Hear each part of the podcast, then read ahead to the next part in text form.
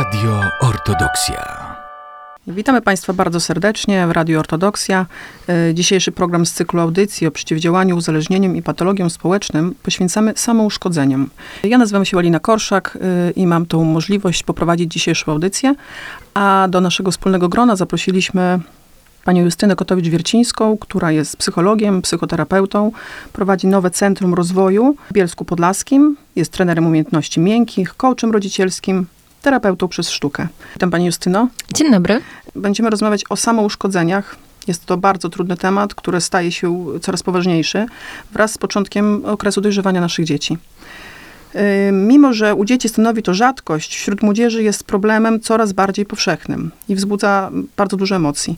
Często nawet wśród osób, które zajmują się zdrowiem psychicznym. Warto zgłębić zatem tę trudną kwestię, aby lepiej zrozumieć, dlaczego tak wielu młodych ludzi sięga dziś po tak drastyczne sposoby i będziemy zastanawiać się dzisiaj tutaj, jak możemy przeciwdziałać tym zachowaniom i będziemy po ten temat poszerzać. Jak rozumiemy samouszkodzenia? Taka definicja brzmi, y, że samouszkodzenia to są powszechnie nieakceptowane akty bezpośredniej autodestruktywności, w których osoba zmierza do wyrządzenia sobie natychmiastowej szkody, a przedmiotem ataku staje się jej własne ciało. Przy czym działanie to pozbawione jest zamiaru samobójczego. Do tego spektrum zachowań autoagresywnych, ono jest bardzo szerokie, tak? I tutaj należą samouszkodzenia, y, również samobójstwa, zaniedbania, nałogi, szkodliwe nawyki żywieniowe, zachowania ryzykowne czy y, wyuczona bezradność. No, są to bardzo trudne zachowania przejawiane przez dzieci i młodzież. Samouszkodzenia błędnie nazywane są nieraz parasamobójstwami czy gestami samobójczymi. No, niepotrzebnie, ponieważ samouszkodzenia to coś innego niż próba samobójcza i to powinniśmy zrozumieć. Co z kolei wcale nie znaczy, że można takie zachowanie zbagatelizować, a wręcz przeciwnie, zawsze należy uważnie przyjrzeć się przyczynom i koniecznie poszukać wsparcia i pomocy. Bardzo często jest też potrzebna pomoc dobrego specjalisty. A proszę powiedzieć, jak często mamy do czynienia ze zjawiskiem samouszkodzenia? Hmm, Samouszkodzenia są niestety zjawiskiem dość częstym wśród adolescentów i również młodych dorosłych. Rozpowszechnienie samouszkodzeń w Polsce w populacji ogólnej plasuje się na poziomie 4-6%, przy czym kobiety trzy razy częściej sięgają po takie sposoby, tak, niż mężczyźni. Ale już u adolescentów jest to 13-29%. Najczęściej mają one początek w okresie dojrzewania i tutaj głównie między 13 a 15 rokiem życia i ich średni czas trwania wynosi około dwóch lat. I to sprawia, że adolescencję uznaje się za czas zwiększonego ryzyka dokonywania samouszkodzeń. Z kolei w populacjach klinicznych, czyli takich objętych tak badaniem, hospitalizacją, em, ta częstość występowania jest szacowana na poziomie aż 40-80%. I jak wynika z analizy przeprowadzonej przez Fundację Dajemy Dzieciom Siłę, w ciągu 7 lat wskaźnik samookaleczeń wśród dzieci i młodzieży wzrósł o 130%. Dlatego też no, dzisiaj zajmujemy się tym tematem. W 2022 roku średnio 9 młodych osób dziennie przyznało, że się okalecza. I wśród nich to właśnie dziewczynki znacznie częściej niż chłopcy deklarowały te działania autodestrukcyjne. O wielu przypadkach natomiast nie wiemy w ogóle, bo nie są, nie są zgłoszone. I no, jak widzimy, jest to problem o wielkiej skali. No tak, nazywa mi się tu pytanie, dlatego że często mówi się o tym, że to jednak y, dziewczynki są, że tak powiem, bardziej psychicznie wytrwałe. A tu się okazuje, że jednak ten problem częściej dotyka młodych kobiet, młodych dziewcząt. Czy możemy jakoś podzielić, skategoryzować y, samouszkodzenia? Tak. Można powiedzieć, że y, jest takie kilka podziałów. Chciałabym powiedzieć, jaką mogą mieć postać te samouszkodzenia. Może to być cięcie się, może być też drapanie, rozdrapywanie ran. To również są samouszkodzenia. Bicie siebie, no, przypalanie, gryzienie, uderzanie głową w ścianę, robienie sobie y, samodzielnie tatuaży, wyrywanie sobie włosów czy nakuwanie ciała. Y, Z kolei mm, taki podział inny mm, mówi o takim rodzaju samouszkodzeń jak umiarkowane, stereotypowe oraz wielkie. E, wielkie to takie jak mm, autokastracja czy obcięcie sobie kończyny. One występują najrzadziej, jednak mają no, najpoważniejsze konsekwencje dla zdrowia i życia i zazwyczaj są podejmowane w psychozach lub stanach silnego upojenia alkoholowego lub narkotycznego. Nasz poprzedni program był o dopalaczach, tak? I o takich trochę, nazwę to może kolokwialnie, odpałach. E, stereotypowe to z kolei takie y, samouszkodzenia, y, które polegają na tym, że na przykład rytmicznie uderza osoba głową w ścianę. Można powiedzieć, że one występują stosunkowo rzadko. A często towarzyszą upośledzeniu umysłowemu, zaburzeniom ze spektrum autyzmu lub psychozą. Z kolei tak najczęściej występująca forma e, samouszkodzeń to są samouszkodzenia umiarkowane. One zazwyczaj nie wymagają interwencji medycznej, co też utrudnia dokładne określenie skali tego zjawiska, bo nie mamy dostępu do wszystkich danych. E, one mogą towarzyszyć też różnym zaburzeniom, jak zaburzenia odżywiania, jak osobowość typu borderline, zaburzenia depresyjne czy inne zaburzenia lękowe. I te umiarkowane mogą być podejmowane w dwóch formach. I to też jest ważne, bo mogą być takie kompulsywne i to polega na wielokrotnym, nawet codziennym powtarzaniu czynności autodestruktywnej w taki sam sposób. I to może być taka forma zrytualizowana, jak wyrywanie włosów z określonego miejsca głowy, mm, albo taka zautomatyzowana, tak? Czy mamy na przykład skubanie skórek, tak? Czy drapanie zmian skórnych, rozdrapywanie tych strupów, nawet nie myśląc o tym. Y, druga forma to impulsywna, i to polega na nacinaniu skóry ostrymi narzędziami lub też przypalaniu, biciu się, drapaniu, gryzieniu, nakłuwaniu. I to jest zazwyczaj pod wpływem trudnego do pohamowania impulsu, który z kolei związany jest z silnym napięciem. I tutaj można powiedzieć, że najczęściej ranione są przedramiona, e, ramiona, uda, rzadziej brzuch i, i okolice piersi. I kiedy samouszkodzenia są wyrazem okresowo przeżywanych trudności lub odpowiedzią na przeżywany kryzys, mówimy o samookaleczeniach epizodycznych, ale gdy utrwalają się jako sposób radzenia z przeżywanym napięciem i występują wielokrotnie, nazywamy je chronicznymi. I bardzo ważne jest, chciałabym tutaj zwrócić na to uwagę, w sytuacji, gdy samookaleczenia staną się utrwalonym sposobem radzenia sobie z napięciem, i emocjami trudniej jest pomóc dziecku. Leczenie wymaga wówczas często specjalistycznej pomocy i należy się przygotować na to, że ona może trwać bardzo długo. Uczulam tutaj, że aby interwencja była skuteczna, powinna zostać podjęta jak najwcześniej. Czyli zatem istotne jest, by zauważyć to jak najwcześniej i zainterweniować. I czy możemy naszym słuchaczom, opiekunom jakoś ułatwić to rozpoznanie? To wbrew pozorom nie jest taka łatwa sprawa, e, gdyż młody człowiek nieraz e, bardzo dobrze się kryje z uszkodzeniami własnego ciała przed innymi. E, mogą to być miejsca, które łatwo osłonić, których za często nie odkrywamy przed innymi, jak właśnie wewnętrzna strona ud, biodra. I nieraz takie spostrzeżenie stanowi dla rodzica wielki szok. Mm, możemy wyróżnić pewne sygnały ostrzegawcze i podzielić je na takie bardziej y, i mniej specyficzne. Te mniej specyficzne są w ogóle takimi sygnałami, że młody człowiek przeżywa różne trudności. Przy okazji y, poprzedniej rozmowy o dopalaczach też mówiliśmy o takich sygnałach, które mogą wskazywać, że coś się dzieje. I do tych mniej specyficznych należą tutaj. Y, zauważamy, że y, ten młody człowiek podejmuje zachowania ryzykowne, jak na przykład skakanie z wysokości, przebieganie przez ulicę, prowokowanie w sferze seksualnej, prowokowanie bujek. Zauważymy, że sięga po alkohol, czy narkotyki, czy dopalacze. E, pojawiały się jakieś prace tak graficzne, literackie o tematyce fizycznego zranienia, bólu, krwi, smutku. E, zauważamy nagłe zmiany w kontaktach z rówieśnikami, czy nagłe zmiany w zainteresowaniach. Mm, jakby zauważalne są też stany depresyjne. Widzimy przedłużający się smutek, przygnębienie. E, młoda osoba wycofuje się z kontaktów, izoluje się, mm, pojawiają się skrajne, takie impulsywne, silne reakcje emocjonalne na różne trudne sytuacje, i tutaj e, głównie może pojawiać się lęk, gniew, rozpacz. Obserwujemy też niską samoocenę i dużą niechęć wobec siebie, mm, no i że brak sieci wsparcia społecznego. Takimi natomiast bardziej specyficznymi sygnałami dla nas jest to, że widzimy mm, blizny, zadrapania, skaleczenia, zauważamy jakieś siniaki niewiadomego pochodzenia. E, Zauważamy ślady krwi na ubraniu, e, widzimy, że dziecko często ma jakieś opatrunki, e, że nosi ubrania z długimi rękawami czy nogawkami, które mogą ukryć rany i że one są nieadekwatne do pogody, tak? Że na przykład latem, nie wiem, są długie spodnie, długie bluzki.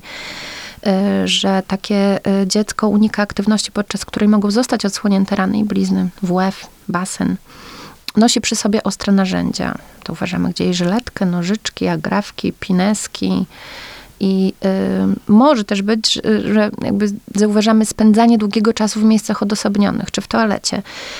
Y, tutaj no, zwróciłabym uwagę też na to, że żebyśmy też jakoś nie przesadzali y, z tą nadkontrolą, gdyż no, czas dojrzewania wiąże się też ze wzrostem y, dbałości, tak, o, o własne ciało i często te pobyty w łazience mogą być dłuższe. Ale jakby to sumując wszystko, żeby też zwrócić na to uwagę, tak. Powiedziała Pani o mądrej interwencji, a jak ona miałaby wyglądać? Więc tak, zanim podejmiemy interwencję, ważne, abyśmy zdobyli wiedzę na temat problemu, czyli tutaj na temat samouszkodzeń. Ona może pomóc w zrozumieniu tego zachowania i jego przyczyn. Po drugie, należy jak najdogłębniej przeanalizować sytuację dziecka, które się okalecza. I tutaj ważne, żebyśmy wzięli pod uwagę y, kontekst, zarówno sytuację rodzinną, y, sytuację szkolną, jak i te relacje z rówieśnikami warto byłoby skorzystać z pomocy specjalistycznej, y, psychologicznej, opierającej się na rzetelnym, ukierunkowanym wywiadzie, który będzie takim y, wstępem do zaplanowania optymalnej formy pomocy wsparcia dziecka, która najczęściej polega na ścisłej współpracy psychologa z rodzicem i połączeniu dwóch działań. I tutaj mamy psychoedukację rodzica, poradnictwo, wsparcie w zrozumieniu sytuacji, wypracowanie nowych, lepszych sposobów komunikacji z nastolatkiem i po drugie wsparcie samego nastolatka, m, dziecka. Mm, Czyli rekomendowana jest tutaj psychoterapia indywidualna e, dla małoletniego, e, terapia rodzinna oraz jeżeli to jest możliwe, to współpraca środowisk między sobą. To by było w ogóle optymalne, tego nam trochę brakuje. Co jest ważne, jeżeli rozmawiamy z dzieckiem na temat, bo jakby podejrzewamy, że się samo okalecza, ważne, no, dajmy dziecku wsparcie. E, Podczas rozmowy reagujmy na problemy z szacunkiem przede wszystkim, ze współczuciem, zrozumieniem.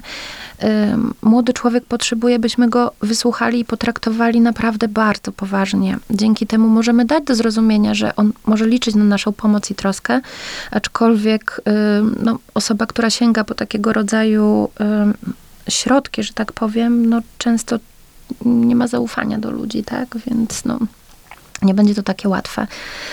E, Trzeba słuchać, mm, okazywać przy tym zrozumienie, zainteresowanie i podkreślać tą intencję pomocy, mm, być spokojnym, cierpliwym, życzliwym, empatycznym i rozmawiać zamiast dyskutować. Ważnym czynnikiem, i to chyba zawsze ważnym czynnikiem w rozmowie z dziećmi i z, mm, z młodymi ludźmi i w ogóle z ludźmi, jest to, aby uprawomocnić emocje. Co to znaczy?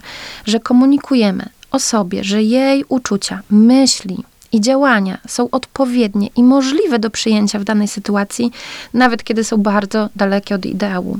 I to by na przykład brzmiało, że o, masz prawo do złości w związku z tym, jak potraktowała cię przyjaciółka. Więc nawet samo takie stwierdzenie, że masz prawo czuć złość, to, że już zniszczyłeś coś, czy pobiłeś, tak, no to to już jest inna kwestia, ale że prawo do emocji i myśli zawsze możemy dać. Najważniejsze chyba, żebyśmy tego im nie odbierali. Tak. Żeby była na to przestrzeń.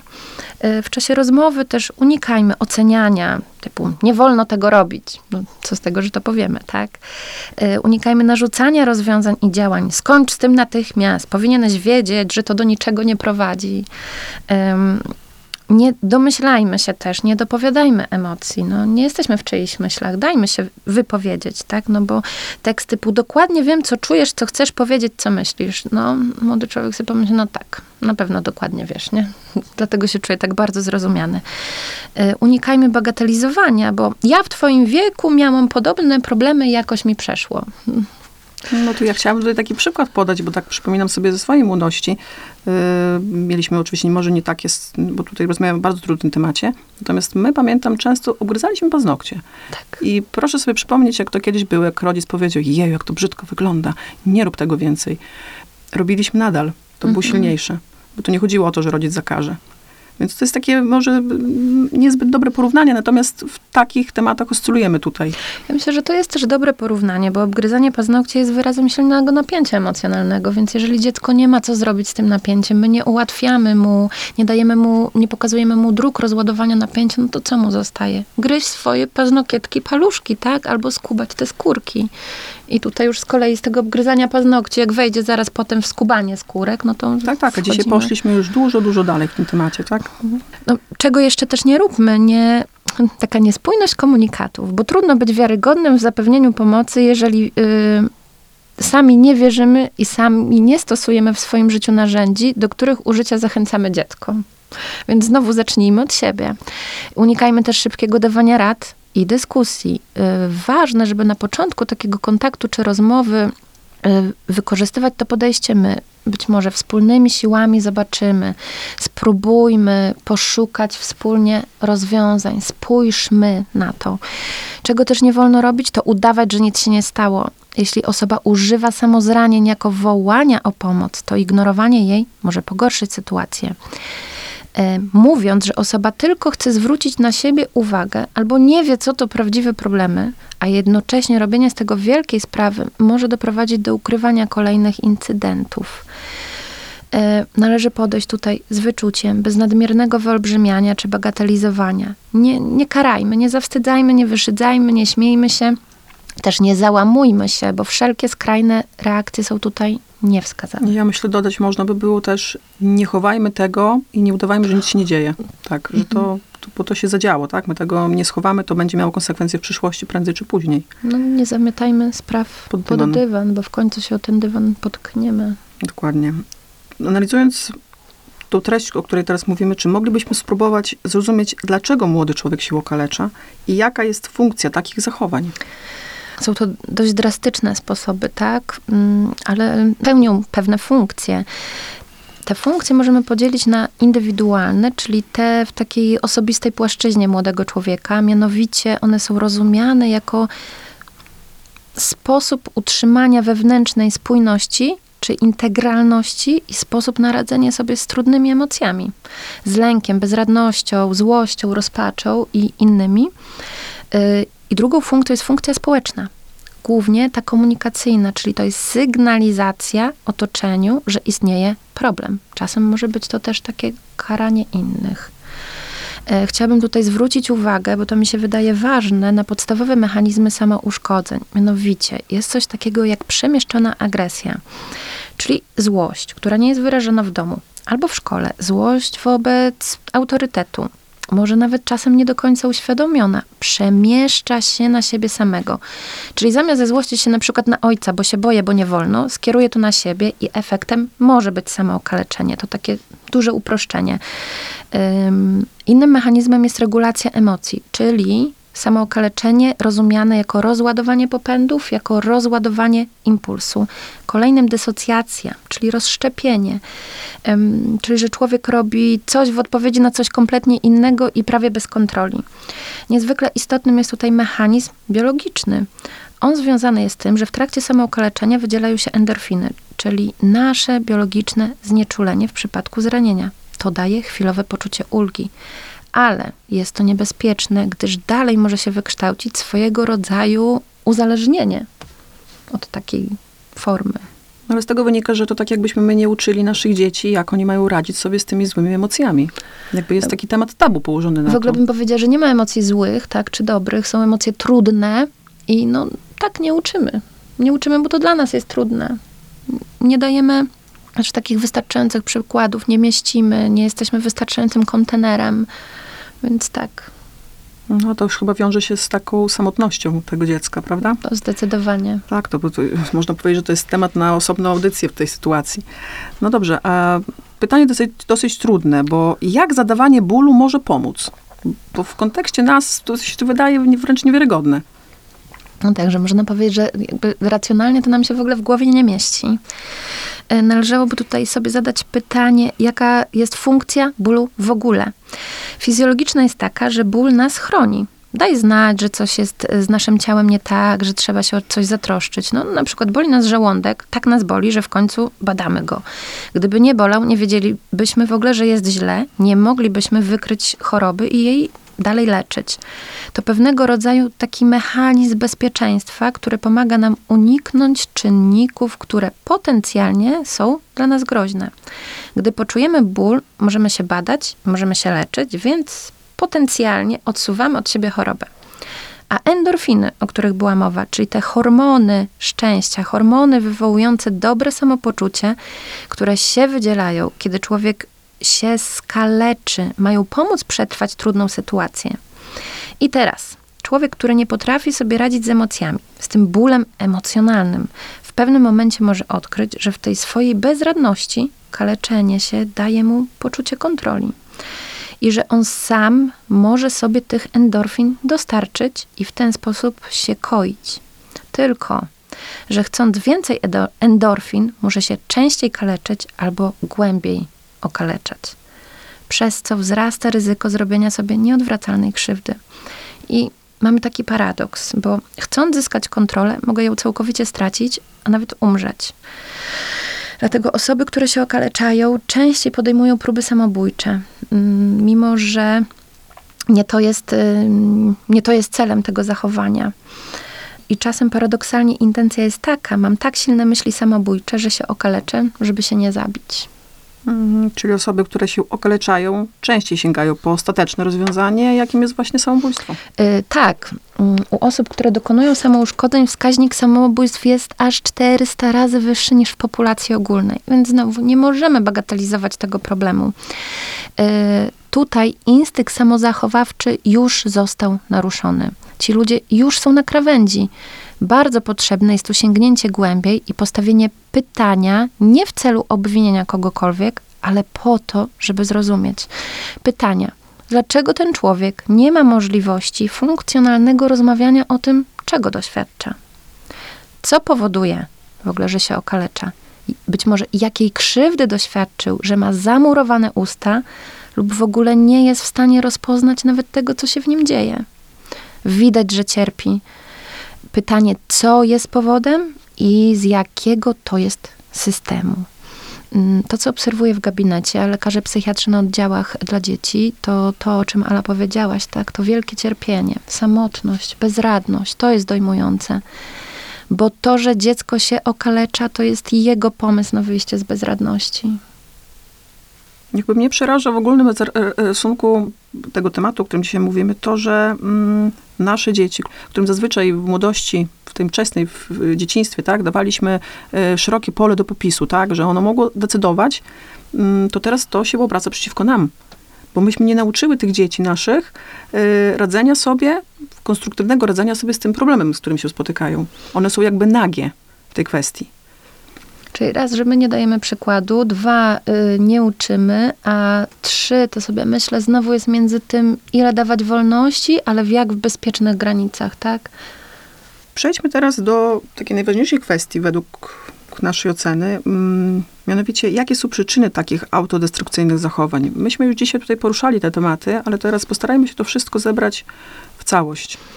Zwróciłabym tu uwagę na kilka przyczyn wymienianych y, przez młodzież. Najczęściej jest to trauma, y, strata bliskiej y, osoby lub zagrożenie utraty, zaniedbanie. I tutaj mówimy o potrzebach dzieci i młodzieży. Te potrzeby były wymieniane też przy okazji, y, jak mówiliśmy o tych zagrożeniach, o dopalaczach. I to jest o tym, że potrzeby dzieci i młodzieży muszą być zaspokojone, albo że, może tak, potrzeby dzieci i młodzieży są, bez względu na to, czy jest, czy kontekst pozwala na ich zaspokojenie, czy nie. Tutaj istotnym jest emocjonalna nieobecność opiekuna. Y, kolejną przyczyną jest negatywny stosunek do ciała i prawdopodobieństwo samookaleczenia rośnie w przypadku dzieci i młodzieży, które doświadczyły przemocy ze strony innych, doświadczyły molestowania seksualnego. To wówczas jest taki mechanizm powtarzania urazu. Y, również ten negatywny stosunek do ciała wzmaga się w sytuacji niezgodności płci psychicznej z biologiczną, więc wówczas też częściej obserwujemy samookaleczenia. Przyczyną jest też nie, nie samo doświadczenie przemocy na sobie, ale również bycie świadkiem przemocy w rodzinie. doświadczenie ciężkiej choroby mm, somatycznej. E, ważnym czynnikiem jest tutaj taka rozbieżność między ja realnym, czyli jaki jestem, a ja idealnym, jaki chcę być. Też silny lęk przed bliskością. I tutaj znamiennym jest konflikt, potrzeba niezależności przy jednoczesnym poczuciu zależności. To trochę to o granicach, o trzymaniu tych granic przez dorosłych, tak? O czym mm, w zasadzie przed chwilą mówiłyśmy. To jest trudne, bywa dramatyczne w odczuciach dla młodego człowieka, ale również dla rodzica, bo jak dawać swobodę, jednocześnie utrzymując granice? To jest wyzwanie. Ale też myślę sobie, że chyba troszkę tutaj pogubiliśmy się my wszyscy, tak? Dając tu swobodę. Bo dzisiaj mamy dostęp do tak wielu rzeczy, tak? Tak wiele rzeczy kształtuje te nasze dzieci. Yy, także sobie my jako rodzice też odpuszczamy. Ja to trochę też rozumiem tak, że jeżeli by, byliśmy bardziej y, przez lata w takim stylu wychowania autokratycznym, y, potem poszło bardziej w to liberalne, tak? To jest jak z wahadłem. Jak je puścimy z wysoka, ono zawinie w drugą stronę tak na maksa. I zanim to wypośrodkuje, potrzeba trochę czasu, więc tutaj jakby od dość niedawno jesteśmy przy tym rodzicielstwie bliskości, które jednocześnie wyz- wyznacza bezpieczne pole do manewru, czyli że daje wybór dziecku, ale w ograniczonym zakresie. Tak, bo to też chodzi chyba też o to, że y, dziecko, nastolatek potrzebuje tego, żeby mimo wszystko był ktoś nad nim, kto, na kim się ono będzie mogło oprzeć, bo wtedy będzie miało to poczucie bezpieczeństwa. Mhm. No to jest tak, że potrzebujemy się od czegoś odbić. To tak jak, nie wiem, ze schodzeniem mamy sobie stół i jedzie po nim samochodzik. No i dopóki tego miejsca będzie coraz więcej, on będzie jechał, jechał, jechał, jechał, jechał, jechał, ale w końcu spadnie. Więc my musimy postawić te granice przed tymi przepaściami. To my mamy o to zadbać, bo my jesteśmy za te dzieci odpowiedzialni. E, Wracając tutaj do pytania, ym, chciałabym też powiedzieć, o czym też no, wspominałam wcześniej, że samookaleczenia występują często z innymi zaburzeniami, które wynikają z przemocy, z traumy, z depresją, zaburzeniami lękowymi, schizofrenią, z chorobą afektywną dwubiegunową, z zaburzeniami lękowymi. E, również współwystępują z zaburzeniami odżywiania, borderline oraz e, zaburzeniami związanymi z substancjami psychoaktywnymi. E, Jeżeli mówimy o przyczynach, to bardzo ważny jest też kontekst rodzinny. Ta przemoc, o której wspomniałam, e, że dziecko może e, być ofiarą przemocy lub świadkiem przemocy, brak więzi emocjonalnych lub ich niedostatek oraz wszelkie dysfunkcje systemu rodzinnego, jak na przykład choroby psychiczne, przestępczość czy uzależnienia. I oczywiście środowisko szkolne też ma swój wpływ, bo mm, taki kawałek koncentracji na wyglądzie, może wzmagać negatywny stosunek do swojego ciała, jeżeli to ciało nie dopasowuje się do uznanego kanonu piękna, co z kolei oprócz na przykład ograniczania jedzenia, które też jest niebezpieczne, może przyczynić się do celowego uszkadzania własnego ciała. E, Również tutaj istotne są silne przeżycia, konflikty, doświadczenie odrzucenia w grupie rówieśniczej lub w relacji romantycznej, przemoc w grupie rówieśniczej, brak sieci wsparcia społecznego, dobrych znajomych, brak przyjaciół w szkole i, i poza nią, presja osiągnięć, z którą trudno sobie radzić, moda. E, W szpitalach psychiatrycznych, na przykład na oddziałach dziecięco-młodzieżowych, czasem obserwujemy takie fale cięcia się. I wspomnę, że też nie bez znaczenia jest kontekst kulturowy.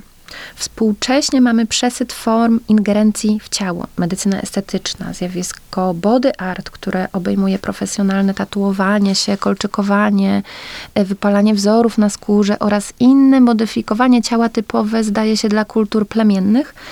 No, nie znaczy, że to jest złe. Ym, Trzeba jednak umieć rozróżnić, kiedy jest to taka forma upiększania się, a kiedy już autoagresji. Y, bo to bardzo cienka linia między tak zwaną normą, tu daję cudzysłów, a zaburzeniem. Y, Więc to wymusiło mm, taką konieczność ponownego określenia granic dla tych zachowań, które są zgodne z normą. I już w DSM 5 mm, wyodrębniono taką jednostkę nozologiczną samookaleczenia bez tendencji samobójczych. Y, DSM to jest klasyfikacja zaburzeń psychicznych Amerykańskiego Towarzystwa Psychiatrycznego. No ale tutaj też, y, jak myślimy o tym właśnie kolczykowaniu się, o tych tatuażach, o bardzo intensywnym y, make-upie, tak? To przychodzi mi, taka, przychodzi mi taka myśl, że często ta młodzież, y, ci młodzi nastolatkowie ukrywają się pod tym. To ma na celu ukrycie ich własnego ja. Oni chcą się pokazać w innej sytuacji. To też w nawiązaniu do subkultur, o których kiedyś była mowa, tak? Bankowie, nie wiem, te buty, wszystko tak, to to wszystko też było, mm, tylko że może powiedziałabym tak trochę też w cudzysłowie w takiej zdrowszej formie, mimo wszystko. Bo... Znaczy to tam było też dużo przynależności, tak? No bo tutaj idziemy za modą, jest e, kwestia przynależności, czasami jest kwestia schowania się za... No, tu znowu chodzi o to, żeby um, każdą zaistnieć też sytuację też, rozpatrywać indywidualnie, tak? Żeby też zaraz nie pomyśleć, że każde kolczykowanie się, czy każdy tatuaż No jest tak, już tak. objawem jakiegoś zaburzenia, żebyśmy też nie poszli w tą stronę, tak? Bo Tylko też myślę sobie tutaj w kontekście tego, jak analizuję to, o czym mówimy, to też jest bardzo duża samotność wśród grupy mm, nastolatków. Y, Oni ze sobą nie rozmawiają. Mało kiedy się widzi coś takiego, że spotykają się po to, żeby po prostu opowiedzieć sobie o jakichś swoich rzeczach. I to, o czym dzisiaj rozmawiamy, o tych samokoleczeniach, to jest też taka forma, żeby wyrzucić ten ból, że jestem nieakceptowalny. Czyli znowu właśnie wchodzimy w, w, w, w podobne kwestie. no i też ten kryzys relacji osobowych, tak? Przejdźmy teraz do ym, tematu, ym, jak, ważna, jak ważne jest środowisko, w których y, nasze dzieci, nasza młodzież przebywają i otaczają się. I chodzi mi tu o środowisko rodzinne i szkolne. I może wgłębi się trochę w ten temat. obok kontekstu indywidualnego dziecka, tutaj jak predyspozycje, z którymi się rodzi, mm, cechy wrodzone, na przykład reaktywność układu nerwowego, czyli temperament, intelekt, czy przetwarzanie sensoryczne, no właśnie są te dwa podstawowe systemy odniesienia. W kontekście młodego człowieka cały czas o tym mówimy. Rodzina i szkoła. Em, powiedziałabym, że współcześnie oba te systemy są niestety w kryzysie. E, Dlatego też potrzebne jest to myślenie systemowe, spójna koncepcja. No, nie wywrócimy tego do góry nogami w ciągu jednego półrocza. E, Też sobie myślę, jak możemy wymagać od nauczycieli, żeby mieli przestrzeń wychowawczą dla dzieci, jeśli zarzuci się ich dokumentami i każe rozliczać milion rzeczy. Mm, Tu potrzebne są zmiany systemowe i oczywiście zwiększanie świadomości grona pedagogicznego, zwiększanie wrażliwości, psychoedukacja w tym zakresie i to solidna, żeby nie było takich sytuacji w naszych szkołach, że dziecko nawet po próbach samobójczych nie otrzymuje adekwatnego wsparcia w tym zakresie. Wydaje się, że warto by były szkolenia, y, wypracowywane pewne skuteczne procedury postępowania, a nie zamiatanie spraw pod dywan i by to było współdziałanie, a nie jednostkowe działania podejmowane przez nauczycieli. Do tego rodziny są coraz mniej stabilne. Mm, Rodzice nieraz rzadko wracają do domu o normalnej porze, mm, jedzą z dziećmi posiłki, rozmawiają, interesują się. To ten pośpiech, o którym też mówiliśmy. Coraz więcej rodzin rekonstruowanych, niepełnych albo formalnie pełnych, ale na przykład z ojcem, który od lat pracuje za granicą. Coraz częściej wyjeżdżają matki, dzieci trafiają do dziadków, ale rzadko którzy dziadkowie są w stanie wychowawczo, prawidłowo oddziaływać. No, nie taka ich rola. Oni są od spędzania czasu, okazjonalnego rozpieszczania, a nie wychowywania dzieci do samodzielności, odpowiedzialności. E, I wiecie co? I to nie moja autorska myśl. Mm, Posiadanie dzieci to przywilej. Dlatego, że sprowadzenie człowieka na świat powinno łączyć się z gotowością, dojrzałością i odpowiedzialnością. Wiem, co robię i zdaję sobie sprawę z tego, jaka jest moja rola.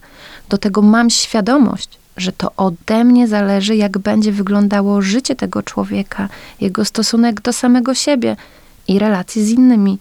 Dobry rodzic powinien mieć przestrzeń na to, że dziecko jest w dyskomforcie, że się złości, albo jest smutne, albo się czegoś boi.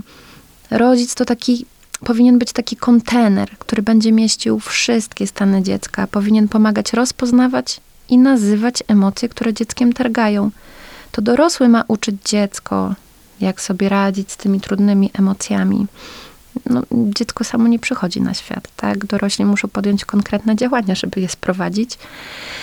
I tak, to prawda, że nieraz te trudności życiowe, trudy wychowawcze, no nas przerastają. No ale to my tutaj jesteśmy dorośli. I choć tyle słyszymy o kryzysach w różnych obszarach w dzisiejszych czasach, y, to również no, ja mam takie wrażenie, że dostęp do pewnych form wsparcia no, jest niemały. Począwszy od gazet, książek, y, przez y, podcasty rozwojowe, artykuły w internecie, webinary, również darmowe zajęcia po kontakt ze specjalistami, jak pedagog, psycholog, y, pedagog, psycholog szkolny, czy psychoterapeuta, psychiatra. Mm, Dlatego też uważam, że jako dorośli powinniśmy być świadomi zagrożeń, ale też i form wsparcia. No, czyli skłaniamy się do tego, że rodzina to jest fundament, na którym to dziecko ma rosnąć i nabierać tej siły, aby móc funkcjonować zdrowo w społeczeństwie. To jakby zostawiamy to i, to dla każdego do przemyślenia. Natomiast tutaj chciałabym wrócić do środowiska szkolnego. Bo z racji tego, że też jestem rodzicem yy, i jak widzę te przeładowania programów nauczania, to łapię się na tym, że mój 13-letni syn ma w sumie 40 godzin tygodniowo zajęć. Do tego dochodzą oczywiście korepetycje, y, jakieś zajęcia, które, no, sam, na które sam chce chodzić, bo akurat to jest jego pasja, mam tu na myśli zajęcia komputerowe i ogólnie w całym tygodniu jego czas pracy to jest jakieś 50 godzin. To No, tak naprawdę, etat, co? Tak, to tak naprawdę to jest więcej niż etat dorosłego człowieka. No. I y, pomijam tutaj oczywiście, że y, w szkole, y, w trakcie tych zajęć dziecko nie może korzystać często z pomocy pedagoga, psychologa, bo najnormalniej w świecie Mhm. nie ma na to czasu. Bo jesteśmy cały czas zgonieni tym systemem. W siódmej klasie to jest tego masa, czyli jest matematyka, polski, angielski. Musimy się przygotować do egzaminu ósmoklasisty. I kończy taki nastolatek ósmą klasę i mamy dziecko, które jest, no, że tak powiem w cudzysłowie, takie odmurzone, bo dobrze zdał egzamin, ale nie ma siły na to, żeby podjąć naukę w liceum, bo jest przerażone, musi wejść w nową grupę rówieśniczą, nie wie jak to zrobić. Y, musi y, przyjść do szkoły, gdzie spotka nowych nauczycieli, więc też musi się pokazać z tej lepszej strony. No i mamy tutaj takiego czternastolatka, który jest całkowicie rozchwiany. Czyli znowu inteligencja emocjonalna do wzmocnienia, tak? To taki mój osobisty pogląd, może no, tak osobisty, niezawodowy, że może no, warto by było kosztem jakichś lekcji, przedmiotów nawet wprowadzić do programu zajęcia rozwijające y, umiejętności, tak, miękkie, rozwijające inteligencję emocjonalną. No nawet już z tą myślą powiedziałabym o tym sukcesie, bo to przecież takie jest parcie na, na szkło, tak na te osiągnięcia, na ten sukces. No ale też przede wszystkim no, ten sukces no, nie będzie możliwy, jak nie będę sobie umieć radzić ze wszystkim, co we mnie i nie umieć wchodzić w relacje ze światem. I tak jak rozmawialiśmy w poprzedniej audycji, bardzo ważne jest, żeby przynależeć do jakiejś grupy. I tutaj Mhm. zawsze będę powtarzała, czy Bractwo Młodzieży Prawosławnej, czy właśnie jakieś zespoły wokalne, czy szkoła muzyczna. Y, Puszczajmy te dzieci nasze na zajęcia, które dają im radość. Szukajmy w nich tych talentów i rozwijajmy je, tak żeby one się mogły od czegoś odbić. Czyli znowu nie nasza presja i nasz, nasze marzenia, tylko y, zwrócenie uwagi, co to dziecko lubi, tak? Y, I tutaj jeszcze, y, zamykając ten temat, chciałabym zapytać, że często szukamy winnych pewnych sytuacji, które się dzieją w naszych rodzinach. A tak naprawdę, czy to jest wina dziecka, szkoły, domu, rówieśników? No bo zawsze chcemy wiedzieć, skąd y, y, bierze się ten problem, tak? No, zdecydowanie. My mamy tendencję do szukania winnego. Tylko mm, zapytałabym tutaj, czy poczucie winy w czymś nam pomoże? Dlatego w kontekście rozumienia przyczyn musimy sięgnąć po myślenie systemowe i pytać, y, musimy bardziej iść w kierunku zrozumienia, a nie poszukiwania winy. Co powoduje, że dziecko nie jest w stanie zwrócić się o pomoc do rodzica? Co powoduje, że rodzic słuchając nie słyszy, a patrząc nie widzi, co się dzieje z jego dzieckiem? A nawet jeśli zobaczy, brakuje mu nieraz mocy sprawczej, żeby skontaktować się ze szkołą, czy sięgnąć y, po wsparcie, nieraz specjalisty. I tak samo, co powoduje, że nauczyciel nie wyłapuje, że w jego klasie dochodzi do przemocy? Dlaczego wychowawca, pedagog, czy dalej idąc, dyrektor nie widzi, że coś poważnego się z młodym człowiekiem dzieje? Nie ma u nas myślenia o zdrowiu za bardzo, a o zdrowiu psychicznym, no jeszcze mniej. Nie ma takiej myśli, nawet w nas za bardzo, że kondycja nauczycieli, rodziców, pedagogów ma zasadniczy wpływ na kondycję dziecka. Pamiętajmy, że do wychowania zrównoważonego człowieka trzeba stabilności, określonej struktury, systemu wartości, do którego możemy się odnieść, przewidywalności, bo to ono buduje poczucie bezpieczeństwa. Mm, Nie mam takiego doświadczenia, że chaos dobrze robi dzieciom. No dorosłym zresztą też nie. A od jakiegoś czasu systemowo się z nim zmagamy. E, Tymczasem ogromne przyspieszenie w dzisiejszym świecie powoduje, że szukamy rozwiązań czarno-białych, ale o tym też już mówiliśmy, tak, przy okazji, e, przy okazji poprzedniej audycji. E, Także ponownie, my dorośli powinniśmy zacząć od siebie, rozwijać świadomość, rozwijać wiedzę, nabywać nowe umiejętności, mówić o emocjach, a dalej być uważnym na nasze dzieci i innych w naszym otoczeniu. Zauważyć y, można byłoby też, że w naszym lokalnym środowisku są i też powstają coraz y, liczniej różnego rodzaju inicjatywy, y, które mają na celu pomoc i dzieciom, i młodzieży. Tak, no, mamy w Bielsku Animusa, mamy oczywiście poradnię psychologiczno-pedagogiczną, e, poradnię e, prywatną Agrawkę, działa Kreatywny Bielsk Podlaski, działa Stara Chata i Nowe Centrum Rozwoju.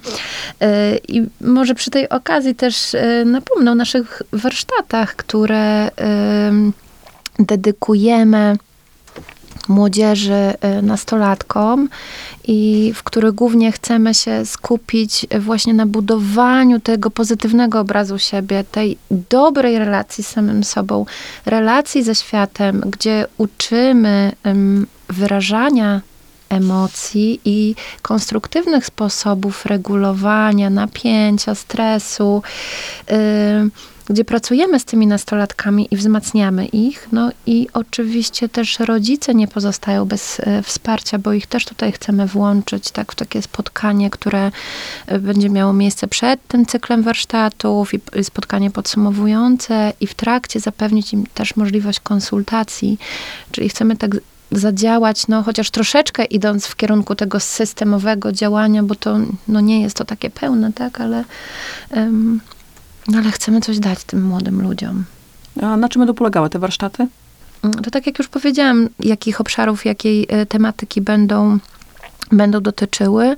E, Chcemy się spotykać e, cyklicznie. Mm, Będą to spotkania w soboty raz w miesiącu przez 6-7 godzin e, dydaktycznych.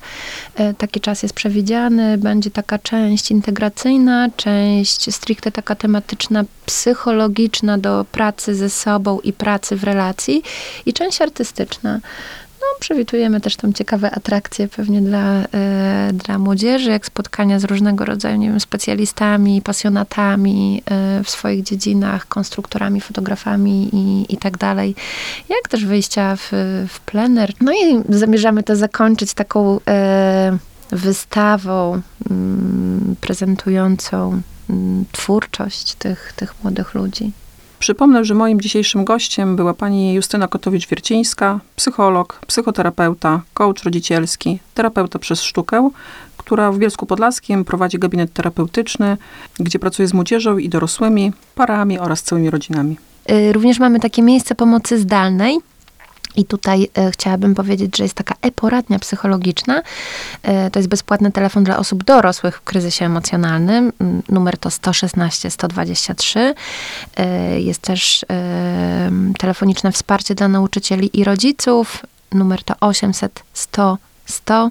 Jest bezpłatny telefon zaufania dla dzieci i młodzieży. Numer to 116 111 oraz niebieska linia dla ofiar przemocy w rodzinie 801 120 002. Więc może warto też zapamiętać sobie takie numery. No muszę powiedzieć, że to była y, trudna audycja, natomiast bardzo Tak. potrzebna y, i myślę, że niejednokrotnie będzie do odsłuchania dla naszych słuchaczy. Bardzo dziękuję za, za wizytę w studiu. Ja również bardzo Y, dziękuję. Państwu dziękuję za to, żeście z nami wytrzymali tu teraz, bo odsłuchując te treści naprawdę nie jest to łatwe. Natomiast zastanówmy się nad tym, na temat tych treści, bo są naprawdę niezwykle istotne i ważne, zwłaszcza w dzisiejszym świecie i w, w, w sytuacji takich tematów, które tutaj y, poruszamy w studiu. Życzę wszystkiego dobrego i do usłyszenia. Do widzenia.